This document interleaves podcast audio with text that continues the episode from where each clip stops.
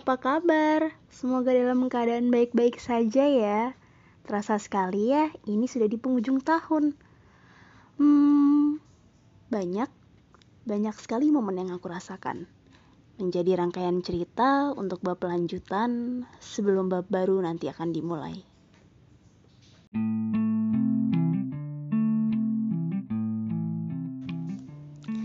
Ini ceritaku ya cerita di saat itu beberapa hari yang lalu.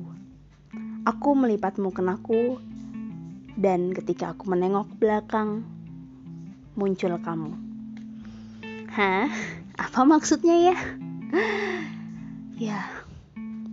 Allah baik sekali. Aku sangat berharap kita bisa ketemu. Di tempat yang baik ternyata kita ditemukan.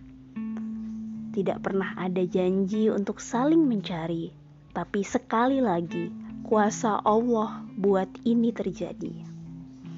Aku senang tentu saja iya. Setelah beberapa lama kita tidak saling menyapa.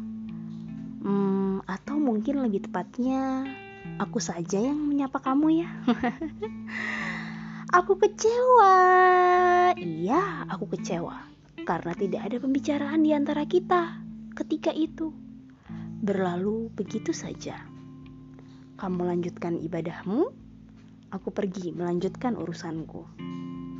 Aku kesal? Tentu iya. Karena ada yang sedang menunggu kamu ternyata di luar. Aku tidak mau.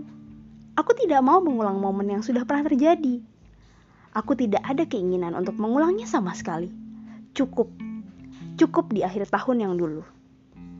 Aku tahu, aku paham, tidak semua orang dapat dengan mudah menyusun kalimat yang baik untuk dijelaskan ke orang lain. Dan tidak juga semua orang dapat dengan mudah memiliki keberanian untuk berbicara. Tapi, kadang orang bukan tidak bisa.